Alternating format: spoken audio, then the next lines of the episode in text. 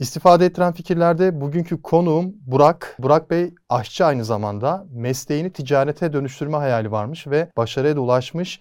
Instagram üzerinden gıda ürünleri satışı yapıyor. Günlük ortalama 80 adet siparişe de çıkmış durumda. Tabii ki bir aşçının kendi hayalini gerçekleştirmesi, gıda ürünleri üretip internette, Instagram üzerine satabilmesi hani alışılageldik bir şey olabilir belki ama Burak Bey'in hikayesi gerçekten çok ilgimi çekti. O yüzden kendisini buraya konuk ettim. Önce bir Burak Bey'i tanıyalım. Hoş geldiniz Burak Bey. Çok teşekkür ederim Tugay Bey. E, sağ olun aradığınız için. Benim hayatım şöyle, liseden beri e, devam edeyim ben. Çünkü hayatım o zamandan beri şekillendi. Lisemi ben aşçılık üzerine okudum zaten. Bundan önce de e, mutfaktan sık sık yemek yapıyordum. Sonra üniversiteyi yine Mengen Aşçılar Diyarı'nda okudum.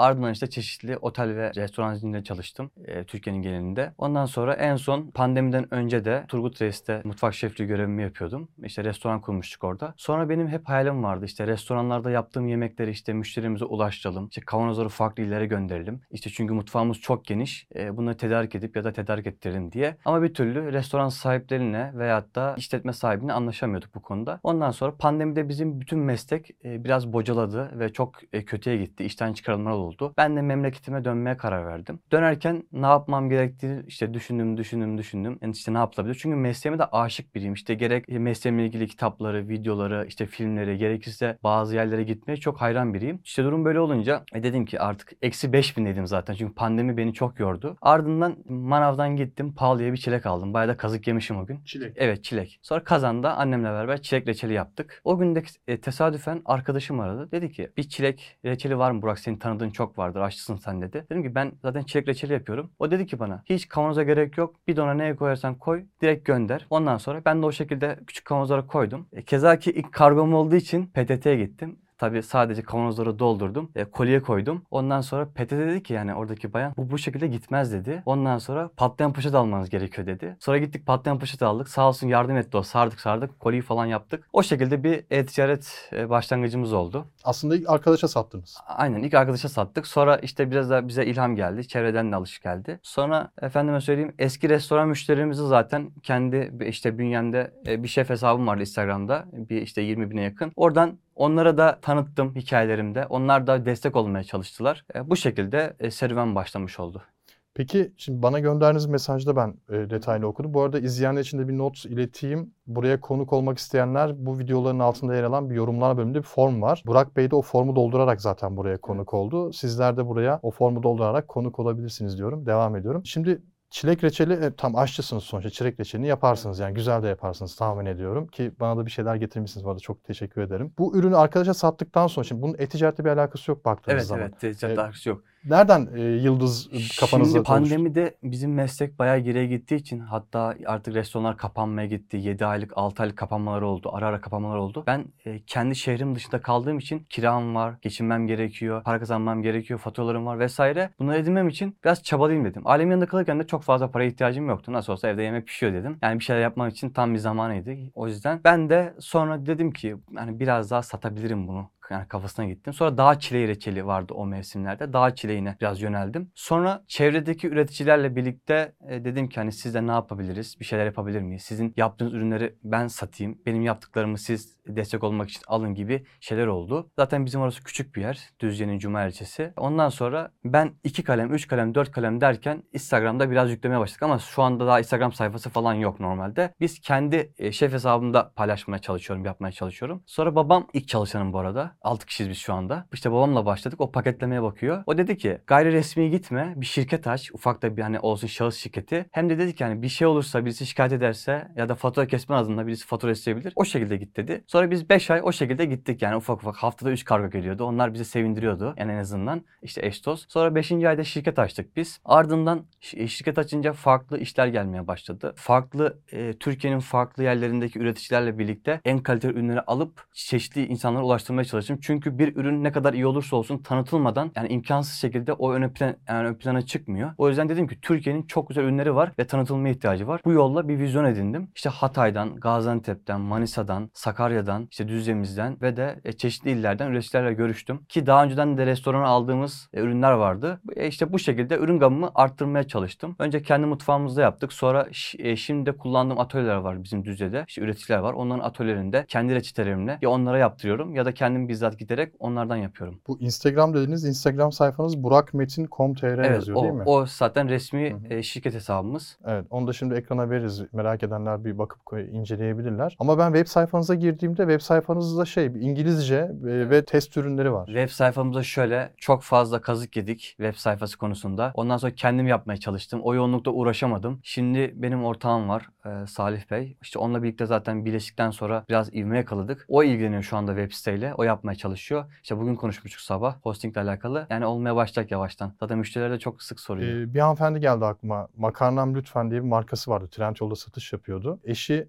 işte tam hikayeyi net hatırlamıyorum. Kusura bakmasın lütfen. Çok fazla hikaye sonuçta video çektiğimiz için. Eşinin sevmediği bir yemek varmış. Eşine onu sevdirebilmek için, yedirebilmek için kendince böyle bir, bir şeyler uydurmuş, yapmış böyle. Gıda ürünleri yapmış daha doğrusu. Daha sonra bunu satmaya başlıyor. Ve kendi el emeği, kendi evinde yaptığı ürünleri işte yasal bir şekilde Trendyol üzerinden satmaya başlıyor ve işini büyütüyor ve şu an e, ne durumda bilmiyorum. En son halini merak ediyorum gerçi. Onda bir bak- bakacağım yayından sonra. Sizin de hikayeniz buna benziyor aslında. Hani ihtiyaca göre ürünler üretip kendi yeteneğiniz, kendi sevdiğiniz. Çünkü yemek yapmak bir sanat, aynı zamanda bir zevk. Benim kardeşim de mesela erkek kardeşim e, yemek yapmayı çok seviyor. Sürekli yemek yapıyor vesaire ama aşçı değil. Ama çok iyi yemek yapar. Ama zevk alıyor. Yani inanılmaz zevk alıyor. Zevk aldığınız bir iş yapıyorsun sonuç Evet, itibariyle. inanılmaz derece. Yani başka iş gerçekten yapamam yani. Hani mutlu etmez beni bir kere. Hani istediği kadar para versinler. En çok zaten ivme yakaladığımız şey ortağım var Salih Bey. Onunla birleştikten sonra inanılmaz bir şekilde işlerimiz büyüdü. O dedi ki Trendyol'a girelim girelim girelim. Orada sizin videolarınıza karşılaştım ben. Sürekli izliyordum. Yani normalde ben bazı kanallarda girişimci hikayesi izlemeyi çok seviyorum. Aşırı derecede. Oradan siz zaten artık YouTube attı. Sonra dedim ki "Ay, izle izle izle artık babamla izlemeye başladık. Bayağı ilham oldu. Sonra işte Salih Bey e, Trendyol düzenledi biraz. Sonra hiç sipariş gelmiyordu artık Trendyol'dan. Üzülüyorduk. 1, 2, 3, 4. Sonra fiyatlarımı arttırdığımız halde artık bu civarlarda günde 8, 7 sipariş geliyor ve şu anda son 30 günlük en yüksek rakamları yakalıyoruz yani şu anda. Yani kendi bünyemize göre yüksek rakamları yakalıyoruz. Peki gıda ürünleri satmak için belli bir uygunluk gerekiyor. Sertifikasyon gerekiyor. Evet Türkiye var. Mesela normalde benim açlık belgem de var, dükkan açma belgem de var, ustalık belgem de var, hijyen belgemiz de var ve de zaten kendi üretim yerimiz olmadığı için çeşitli düzeydeki yerel üreticilerin atölyelerini kullanıyoruz. Onlar da zaten bize inanılmaz destek veriyor. Mesela ürün anlamında, gerek kredi anlamında, işte gerekse hani yapabileceğimiz bir şey varsa biz de yapalım diyorlar. Çünkü onlar üretmeyi seviyorlar. Biz de hem bu yani gıdayı tanıdığım için, en iyi anladığım iş olduğu için hem de e-ticarette bir şey yakaladım. Yani tecrübe yakaladım. İşte özellikle dijital pazarlamada bir ivme yakaladım. Mesela biz şunu çok iyi biliyorum. Biz ürün satmıyoruz. Biz ilgi satıyoruz. Çünkü her müşteriyle e, Instagram'dan e, tek tek ilgilendiğimiz için müşteri bizi tercih ediyor. Mesela evet yani Trendyol'dan da iyi gidiyoruz ama şimdi bir müşteri bize şu ürün hakkında bilgi yazıyor. Biz iki yıllık deneyimlerimizi yani yaza yaza o bilgi hakkında artık bir şey oluşturduk. O bilgilerin hepsini atmadan fiyat vermiyoruz müşteriye. Ve sürekli bu bilgileri güncelliyoruz ki müşterinin hoşuna gidiyor. Diyor ki mesela almayacaktım ama sırf bu ilginiz alakanızdan dolayı almak istiyorum diyor. Veyahut da sorduğum bütün soruları zaten cevaplamışsınız diyor. Yani bunu yakalamak bizim gerçekten gecemizi günümüzü aldı. Hatta hiç zamanımız yok diyebilirim yani. E, o zaman şöyle bir olumsuzluk olmuyor mu? Şimdi ben açıkçası şimdi gıda ürünü aşçısınız. Severek, aşkla bir iş yapıyorsunuz. Bir, şeyler pişiriyorsunuz sürekli. Evet. E, ama öte yandan da o sevdiğiniz işi başkasına yaptırıyorsunuz. Yani fason ürettiriyorsunuz. Öyle anladım. Yanlış anladıysam düzeltin. Fason ürettirip de sattığınız zaman bu sefer başkasının yaptığı bir iş oluyor. Yani başkasının pişirdiği bir yemek oluyor. Gıda ürünü oluyor. Sizden çıkıyor. Şöyle Edgar Bey biz hani bi- bizzat atölyeye giderek zaten mesela benim, mesela benim dükkanımın karşısında farklı atölye var. Zaten küçük bir yer olduğu için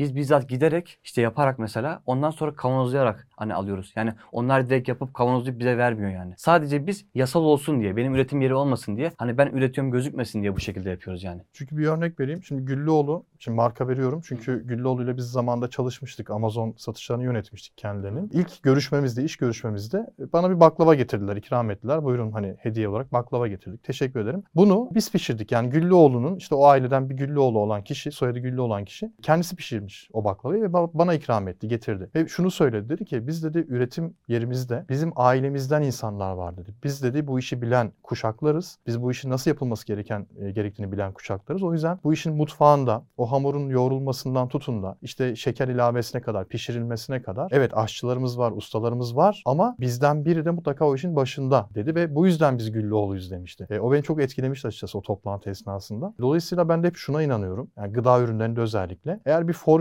tuttuysa, insanlar tarafından o tat, lezzet beğenildiyse onun ustası bir tane ya da hadi iki tane olsun maksimum. Yardımcıları vardır. Yapar ama ustası bir tanedir. Mesela bizim birkaç ürünümüz var. Ürün mesela çam kozağı şurubumuz var. Çok trend oldu pandemide. Biz onu biraz kendi tarifimle farklılaştırmaya çalıştım. İşte gıdayı tanıdığım için biraz. Bayağı içine bitkisel ürün ekledim. Farklı yaptım. Tuttu da. O benim artık ekmek param oldu diyebilirim yani. E, hatta onu artık bu işi yapanlara bile tarifimizi yani fason olarak vermeye başladık. Çünkü de- yani dediğiniz çok doğru. Bir şey eğer tutarsa o kişiyle alakalı yani. Ne yaparsanız yapın. Hani mesela çok farklı ürünler var. Aynı ürünler ama o kişiyi tercih ediyorlar. Mesela Trendyol'dan bazen öyle yorumlar geliyor ki diyor ki hani Burak Bey'in ürünleri gerçekten pahalı olabilir ama biz gerçekten e, yani severek alıyoruz. Çünkü e, fiyata takılmayın diyor. Yani orijini budur diyor mesela. Bu bizi çok yani memnun ediyor. Yani biz geri dönüşlere çok önem veriyoruz bu konuda. Mesela e, gıda ürünleri çok popüler e, ve üretimi de çok kolay. Kolay derken yani herkes bir şekilde tutturabilir, yapabilir. En kötü şunu yapar. Gider bir kuru yemişçiden e, ki bunu yapanlar da gördüm ben. E, hikayelerini anlattılar. Kuru yemişçiden toplu kuru yemişini alır. e, kendi markasıyla paketler satar. E, bu da mümkündür. Bu da bir gıda üründür baktığınız zaman. Ve insanlar e, ev hanımları özellikle evinde çok güzel yemekler, börekler, işte ürünler yapan, hazırlayan, soslar yapabilen çok fazla insan var. Ve bu insanlar da hep şunu düşünüyor. Diyor ki ya ben bu ürünleri yurt dışına, Türkiye'ye, Instagram'dan ya da herhangi bir yerden satabilir miyim diyor. Şimdi bu düşüncede olan birisi size göre, siz bu yoldan geçtiniz sonuçta. E, buradaki birçok zorluğu, engelleri aştınız. E, bu düşünceye sahip olan birisi nasıl, nereden başlamalı, ne yapmalı? İlk adımı ne olmalı? Şöyle ben şunu çok iyi tecrübe ettim ve bu çok önemli bir kriter benim için. Bir şeyin sürdürülebilir olması çok önemli. Mesela bir ürün üretiyoruz. Sallıyorum ballı fıstık ezmesi. Tat, lezzet, katkı koruyucu yok. İçine o kişi ustalığına kalmış bir şey ekliyor. Artık balın çakşı bal ekleyebilir, ham bal ekleyebilir vesaire. Bunu eğer 10. kavanozda, 20. kavanozda değiştiriyorsak o zaman sıkıntı var. Yani sürdürebilmiyorsak mesela Trendyol'da olsun. Çünkü bir şey 10 tane satınca 20 satınca, satınca sıkıntı yok. Ama tedarik edemeyince veyahut da o, üreti- yani o ürünü daha yapamayınca çok sıkıntı. Çünkü ona fotoğraf çekiliyor, açıklama giriliyor, ondan sonra reklam giriliyor, emek veriliyor. Ama karşılığında daha üretemiyorsun onu ve sürdürülebilirliği olmuyor. Bu olunca büyük bir sıkıntı giriyor. Yani kişiler sevdiği yani ilgi duyduğu kategoride hani uzmanlaşırsa o zaman zaten çorap söküğü gibi geliyor arkası. E çünkü illaki o malı ya farklılaştırıyorsun, farklı versiyonlarına geçiyorsun ya da aynı ürünü daha fazla üreteyim ya da daha butik yapayım, kişiye özel yapayım diye uğraşıyorsun. Aksi takdirde ham madde sıkıntısı çekiyoruz mesela. Ya gıda ürünü üretmek istiyor kişi. Kafaya koymuş. Çok güzel salça yaparım ben diyor mesela. Kadın evinde oturmuş. Çok güzel salça. Gerçekten de güzel yapıyor. Bütün ailesi, arkadaşları bayılıyor salçaya. Hadi bunu Trendyol'da satalım. Nasıl satacağız? Yani bence üç önemli kriter var. Birisi açıklamaya çok iyi girmeleri lazım. Çünkü bir ürün gerçekten okunmaya ihtiyaç duyuluyor. Herkes de artık okuyor bunu. Ben bunun farkına vardım. İkincisi bir ürünün görseli gerçekten çok etkili. Sizin videolarınızdan sonra fotoğraf çekimi için önem verdik. Hep böyle basit çekiyorduk. İşte elimizle, efendime söyleyeyim bir işte masanın üstüne çekiyorduk. Bir gün fotoğrafçı çağırdık. Fotoğraf çekirdik. Trendyol'a da girdik onları. O günden sonra bir patlama yaşadık. Yani kargomuz işte günlük 10 tane çıkıyorsa 20'ye çıktı. Sizin dediklerinizi yapmaya çalıştık. Yani bir nevi eğitim alıyor gibi izledik yani sizin hep beraber ekipçe oturuyoruz izliyoruz her akşam. Ardından e, reklam çok önemli. Mesela şimdi Trendyol'da ürünümüz var. Evet ama bunu tanıtılmaya ihtiyacımız var. Biz işte Trendyol'da reklam veriyoruz. Özellikle Instagram'a inanılmaz reklamlar veriyoruz. Karşılığını 15 kat olarak alıyoruz. Bu reklamlar kısmını ben de çok merak ediyorum. Birazdan geleceğim. Sadece o gri alanı bir çözümlemeye çalışıyorum Yani- kafamda. Üreten kişi kadın. Yani evinde üretti. Kavanozu işte bir şekilde kapattı kapağını. Şimdi onu hijyenik şartlarda mı üretti? İçine ne koydu? Yani ne koyduğu belli değil. Yani belki bir madde koydu içine. O madde birisinde alerji yapıyor ve onu yiyen kişi belki de ölecek. İşte açıklama kısmı çok önemli. Mesela eğer bir alerjen madde varsa ya da efendime söyleyeyim katkı koruyucu varsa içinde bunu belirtmek zorunda. Mesela örnek veriyorum sigara içenler için mesela e, çam kozağı şu içebilirsiniz ama eğer polene karşı alerjiniz varsa içemezsiniz gibi not düşülmesi gerekiyor. Aksi takdirde hem kötü yorumlamayla karşılaşabiliyoruz belirtmediğimiz için hem de fayda ve yarar sağlayacağı için kişi e, bunu yanlış anlayabiliyor. Net olmak lazım ürünü ha, özellikle gıda konusunda. Mesela belki giysi olmayabilir, değişim yapabiliriz ama en fazla ne zarar verebilir? Ama gıda ölüme kadar yol açabilir. Hem insanın ticaret hayatı bitebilir hem de karşıdaki insan sonuçta gıda sağlık yani. Ama sonuçta ben müşteri olarak kendimi güvende hissedebilmem için bunu denetleyen bir kurumu Evet, görmem kişi- lazım. kişi, bir evet, sertifika evet, görmem lazım. Kişi mesela bu sertifikaları, bu denetlemeleri nasıl kendi başına halledecek? İşte o yüzden herhangi bir yani resmi bir atölyeyle çalışırsa en azından kendi reçetesiyle yapmaya çalışırsa daha iyi olur. Hem o atölyedeki ürünleri görebilir belki portföyünü genişletir. Hem de kendisi o atölyeye biraz farklı ürünler de satabilir yani. Çünkü insanlar bu dönemde artık e, birbirini inanılmaz desteklemeye başladı. Yani ülkecek artık e, bu seviyeye geldik yani. Özellikle e-ticarette sizin sayenizde daha çok. Çünkü bakıyorum gençlere herkes dijitalden bir şeyler yapmaya çalışıyor. İlla ki ürün satmak değil. İşte kimi 3D tasarım yapıyor. Kimi işte grafikerlik yapıyor. Herkes böyle bir şey olunca birbirlerine destek bu konuda çok önemli. O yüzden gayri resmi olmadan ziyade bir atölyede çalışıp hem birisi bir şey söylediğinde karşılığını gösterebilmeli belgeli olarak hijyen belgesi, sanitasyon belgesi, işletme belgesi bunlar benim için önemli mesela. Atölye nasıl bulacak salça yapan kişi? Yani mesela gıda atölyesinde zaten bölüm bölüm işte süt ürünleri, işte atıyorum e, çikolata ürünleri ayrılıyor. Ona yakın yani zaten salça yapıyorsa bir kişi büyük ihtimal bölgesinde salça yapan birileri vardır. Çünkü e, genelde bölgesel ürünler yapılıyor. Mesela bizim orada e, turşu yapılıyor ama herkes turşu yapıyor. Yani atölyeler de var turşu yapan. Salça yapan da büyük ihtimal çevresinde salça yapan atölyeler mutlaka vardır. Yani yoksa mesela Google'a yazmak istese salça atölyesi mi yazacak? Yani nasıl bulacak onu? Şey var mesela kadınlara destek veriyor İşkur. Oraya başvuruyor mesela. Hem vergiden düşmek amaçlı hem de işte fatura kesmeden iş yapabilmesi için sadece kadınlara değil evde çalışabilecek miktarda mutfağını gösteriyorsun mesela. E, mutfağımı ben bu kısmında çalışacağım diyor. Mesela bu kısımda süt ürünleri üreteceğim diyor. Bir tane daha ocak alacağım diyor. Burada da diyor mesela çikolata ürünleri üreteceğim diyor. Bu şekilde evde iş yapmaya izin veriyorlar. Biz eğer bir e, şahıs şirketi açmasaydık bu şekilde başlayacaktık. Ki biz evde başladık. Sonra daha büyük eve geçtik. Sonra dükkana geçtik. Hatta ilk balkonda başladık. Bazen Amazon'un örneklerinden dalga geçiyorlar arkadaşlar da.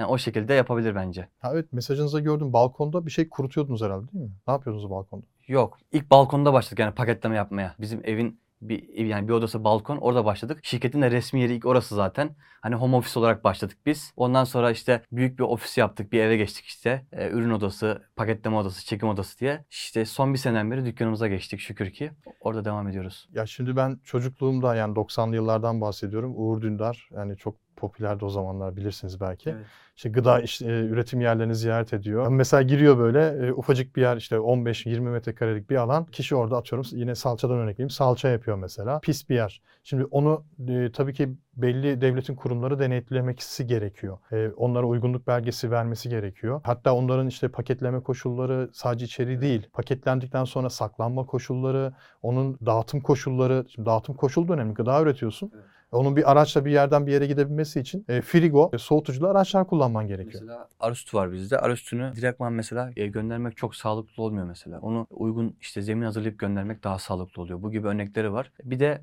mesela bir insan bir şey yapıyorsa bence önce araştırmalı. Biz her şeyi kendimiz öğrendik, araştırarak öğrendik. Bu iş nasıl yapılır? Yani tırnaklarımıza kazıdık desek yeridir. Çünkü öğrenecek e-ticarette o kadar çok şey var ki hani bazen diyorlar ya işte kafeye gidip çalışabilirsin. Öyle bir şey yok. Yani o kafamdakileri yapabilmek için o notları yani yazmam zaten zaman alıyor zaten. O ya yani yapmaya çalışıyorum ekipçe. Çok zor bir şey gerçekten. Hani özellikle sizin yaptığınız hani insanlara da işte danışmanlık yaptığınız şeyler çok zor şeyler gerçekten. Peki Instagram'da 80 adet satış şu an zirve herhalde. Evet. Günlük 80 Evet. satış. Buraya ulaşmak için pazarlama, reklam neler yaptınız? Ya biz ilk başta reklamları işte 20 TL, 30 TL verirdik. Çok komik gibi rakamlar ama o zaman bütçemiz o kadardı. Ondan sonra biz reklamı arttırmaya başladık. Hiç o zaman sadece yorum geliyordu. Çünkü ürün görseli yok. E, içeriği fazla değil. E, yorum yok, beğeni yok. E, haliyle sadece reklamlar dolaşıyordu, dolaşıyordu. Siz dediniz ki reklam önemlidir. Hani e, ne kadar da şey olsa e, devam ettiniz dediniz. Yani istikrar önemlidir. Orayı vurguladınız. Biz de reklamımızı devam ettirmeye çalıştık. Sayfa da zaten küçük. Yani o zamanlar bir kişi takip ediyor, iki kişi. Sonra sayfada takipçi geldi. O takipte ilerleyen zamanlarda alışverişe dönük e, şeyler yapmaya başladılar.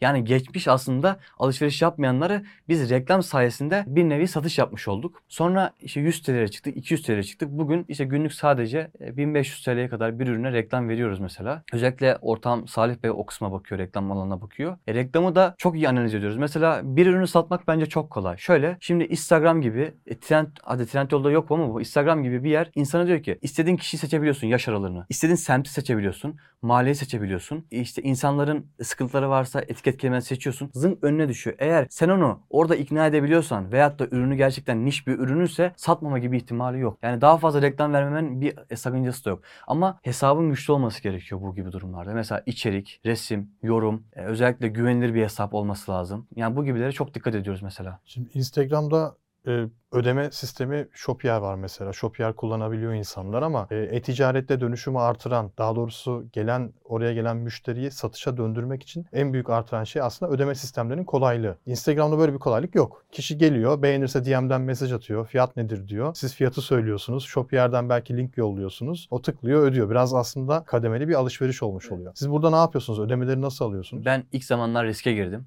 Önce ürünü gönderdim sonra parayı aldım EFT ile. İki kişi haricinde hiçbir sıkıntı olmadı bugüne kadar. Sonra kapıda ödeme sistemine geçtik. Şu anda %60 kapıda ödeme istiyorlar. %40'ı da EFT ile gönderiyor. Çok nadir güvenmeyen insanları biz riske girerek gönderiyoruz. Parasını sonra alıyoruz. Hiçbir zaman sıkıntı olmadı. E dedim ki ben büyümek için bazı şeylerden feragat etmek gerekiyor dedim. Ürünüme çünkü güveniyordum. Gönderdim. Kişi çok sevdi. Hem takip etti hem parasını gönderdi. Bu şekilde başladık ilkten. EFT havale şeklinde. Sonra dediğim gibi kapıda ödeme oldu. Şimdi Trendyol zaten kredi kartı isteyenlere bizim ikinci sayfa var işte bal sayfası. İşte ortamla birleştikten sonra olan.